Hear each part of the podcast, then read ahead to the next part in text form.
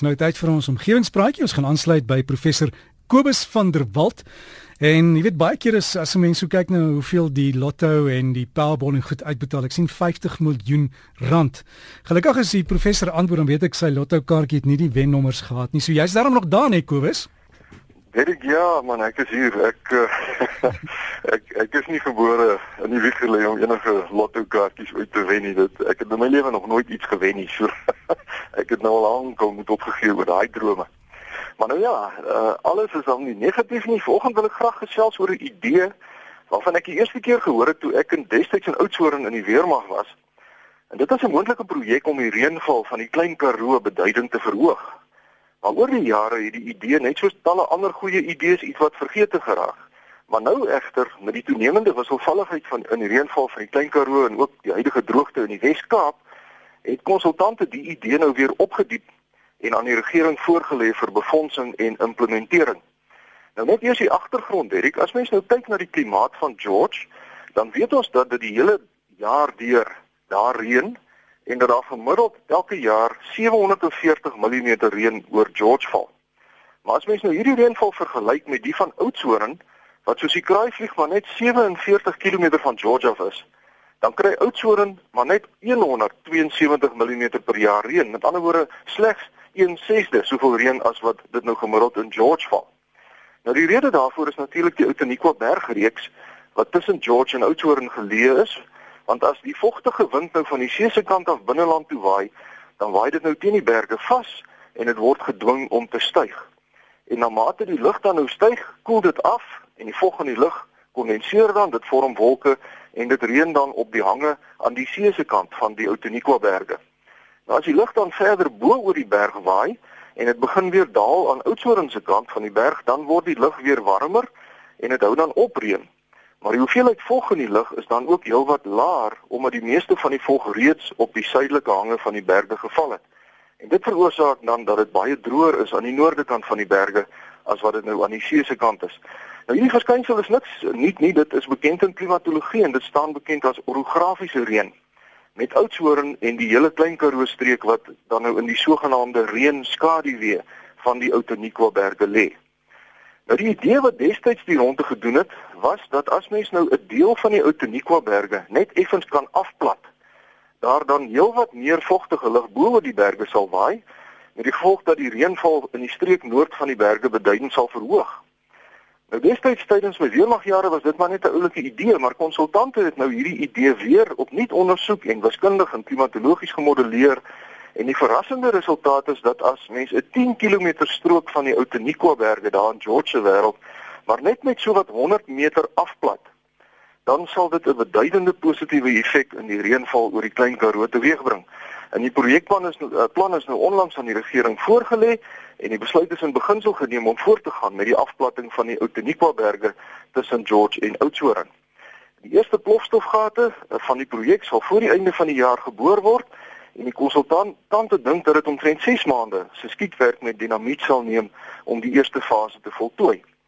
Nou wat in die konsultante se gunst stel is dat die rotse wat nou stukkend geskiet word bo op die berg natuurlik nie verwyder sal hoef te word nie, Hulle kan dit dood in die valleie uh, afgooi en dit maak die projek natuurlik relatief maklik en goedkoop.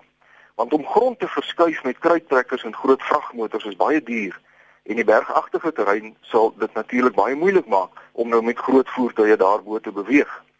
Nou natuurlik is so 'n projek baie sensitief met groot omgewingsinvloede en ek wil graag vanoggend vir ons omgewingsvriende wat in daardie deel van die wêreld woon versoek om asseblief maar op die uitkyk te wees vir die omgewingsbestuursplanne sodat almal nou kan seker maak dat die lawaai van die ontploffings, die stofwolke en die verhoogde nitrate in die water as gevolg van die plofstowwe korrek bestuur sal word, sodat dit nou nie die inwoners van George onnodig sal verontrief nie. Nou natuurlik sal die konsultante voordat hulle begin skiet eers al die skaars plante moet verwyder en ook moet seker maak dat alle skaars voëls se neste wat dalk aan die kraanse is verwyder word. Maar hulle het beloof om dit baie nougeset te doen. Maar dan iets wat my nou nog meer opgewonde maak is 'n fase 2 van die projek wat moontlik op fase 1 mag volg. En dit is dat die regering aangedui het dat indien hierdie projek by George sou slaag en die reën van die gebied rondom Oudtshoorn nou beduidend verhoog sal kan word, hulle presies dieselfde konsep wil toepas op Tafelberg. Want soortgelyke toestande van Tafelberg se reënskadu weer dat die reënval agter die berg beduidend verlaag kom ook oor die Kaapse skiereiland voor.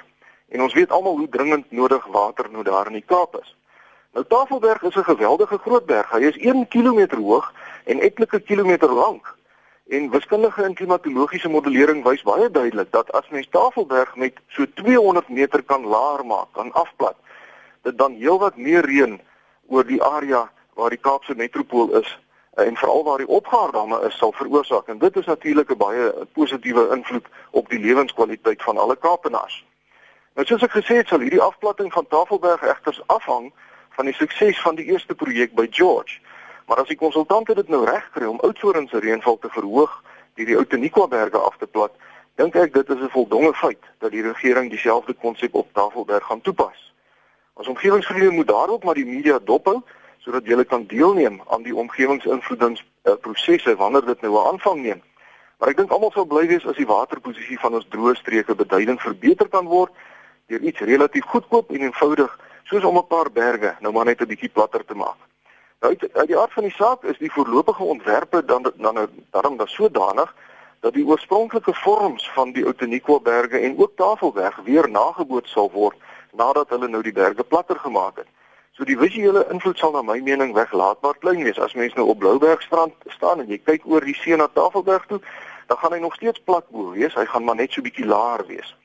En die verdere voordeel van die afplatting van Tafelberg is natuurlik dat die regering die rotse en die grond wat nou, nou losgeskiet word daarbo sal kan gebruik om duike te bou by Gordons Bay, by die strand, by Muizenberg, Paardeneiland en ook by Milnerton. Want die seevlak is besig om vinniger te styg as wat die klimaatsveranderingsmodelle voorspel het. En met president Trump van Amerika se onlangse redelike dom besluite om die steenkoolbedryf in Amerika nou te bevorder, gaan duike soos in Holland een van die dae nodig wees om te voorkom dat die hele Kaapse vlakte oorstroom word. Die afplatting van Tafelberg het dus 'n hele paar baie goeie gevolge en ek hoop regtig dat die projek suksesvol sal wees by George sodat die Tafelberg projek ook kan van die grond af kom. En omgewingsvriende, daarmee sluit ek af vir oggend. Skryf gerus vir my by kobus.vanderwalt by nwu.ac.za of jy kan verdere besonderhede op omgewingspraatjies se Facebook bladsy kry. 'n Heerlike dag vir julle almal en vriendelike groete tot 'n volgende keer. Kobus. Erik. Nee nee, dis interessant die storie wat jy wat jy noem. En ek het maar net gewonder weet daar in die in die Karoo, die die grond en die sand en die klippe wat daar vandaan kom, uh waar kan hulle dit ook dan aanwend? Want dis nogal baie, né? Erik, ja, nee, kyk, duike gaan nodig wees want die seevlak styg. Ja. Hy styg vinniger en met president Trump Uh jy weet ons gaan grond nodig hê om om om areas te beskerm. Dink maar byvoorbeeld aan die area rondom uh, by by, by Nelpostrand ook in Kuiberg. Hmm. Jy weet as die seevlak beduidend styg is daardie areas in die moeilikheid. Ja, nee ons ons moet dop, jy weet ons moet kyk wat gebeur en dan sal hulle seker vir ons in die binneland berge kan bou sodat ons die wolke ook op plekke kan kry wat te veel reën kry. Ja, Derek, dit hang alles af van die datum waarop die mense natuurlik hierdie projekte wil wil aanpak, né? Nee. Ons sê niks daaroor nie. Kobus, alles van die beste. Jy het ook e-posadres, né? Nee? Uh, Derek, dis kobus.vanderwalt by nwu.ac.za.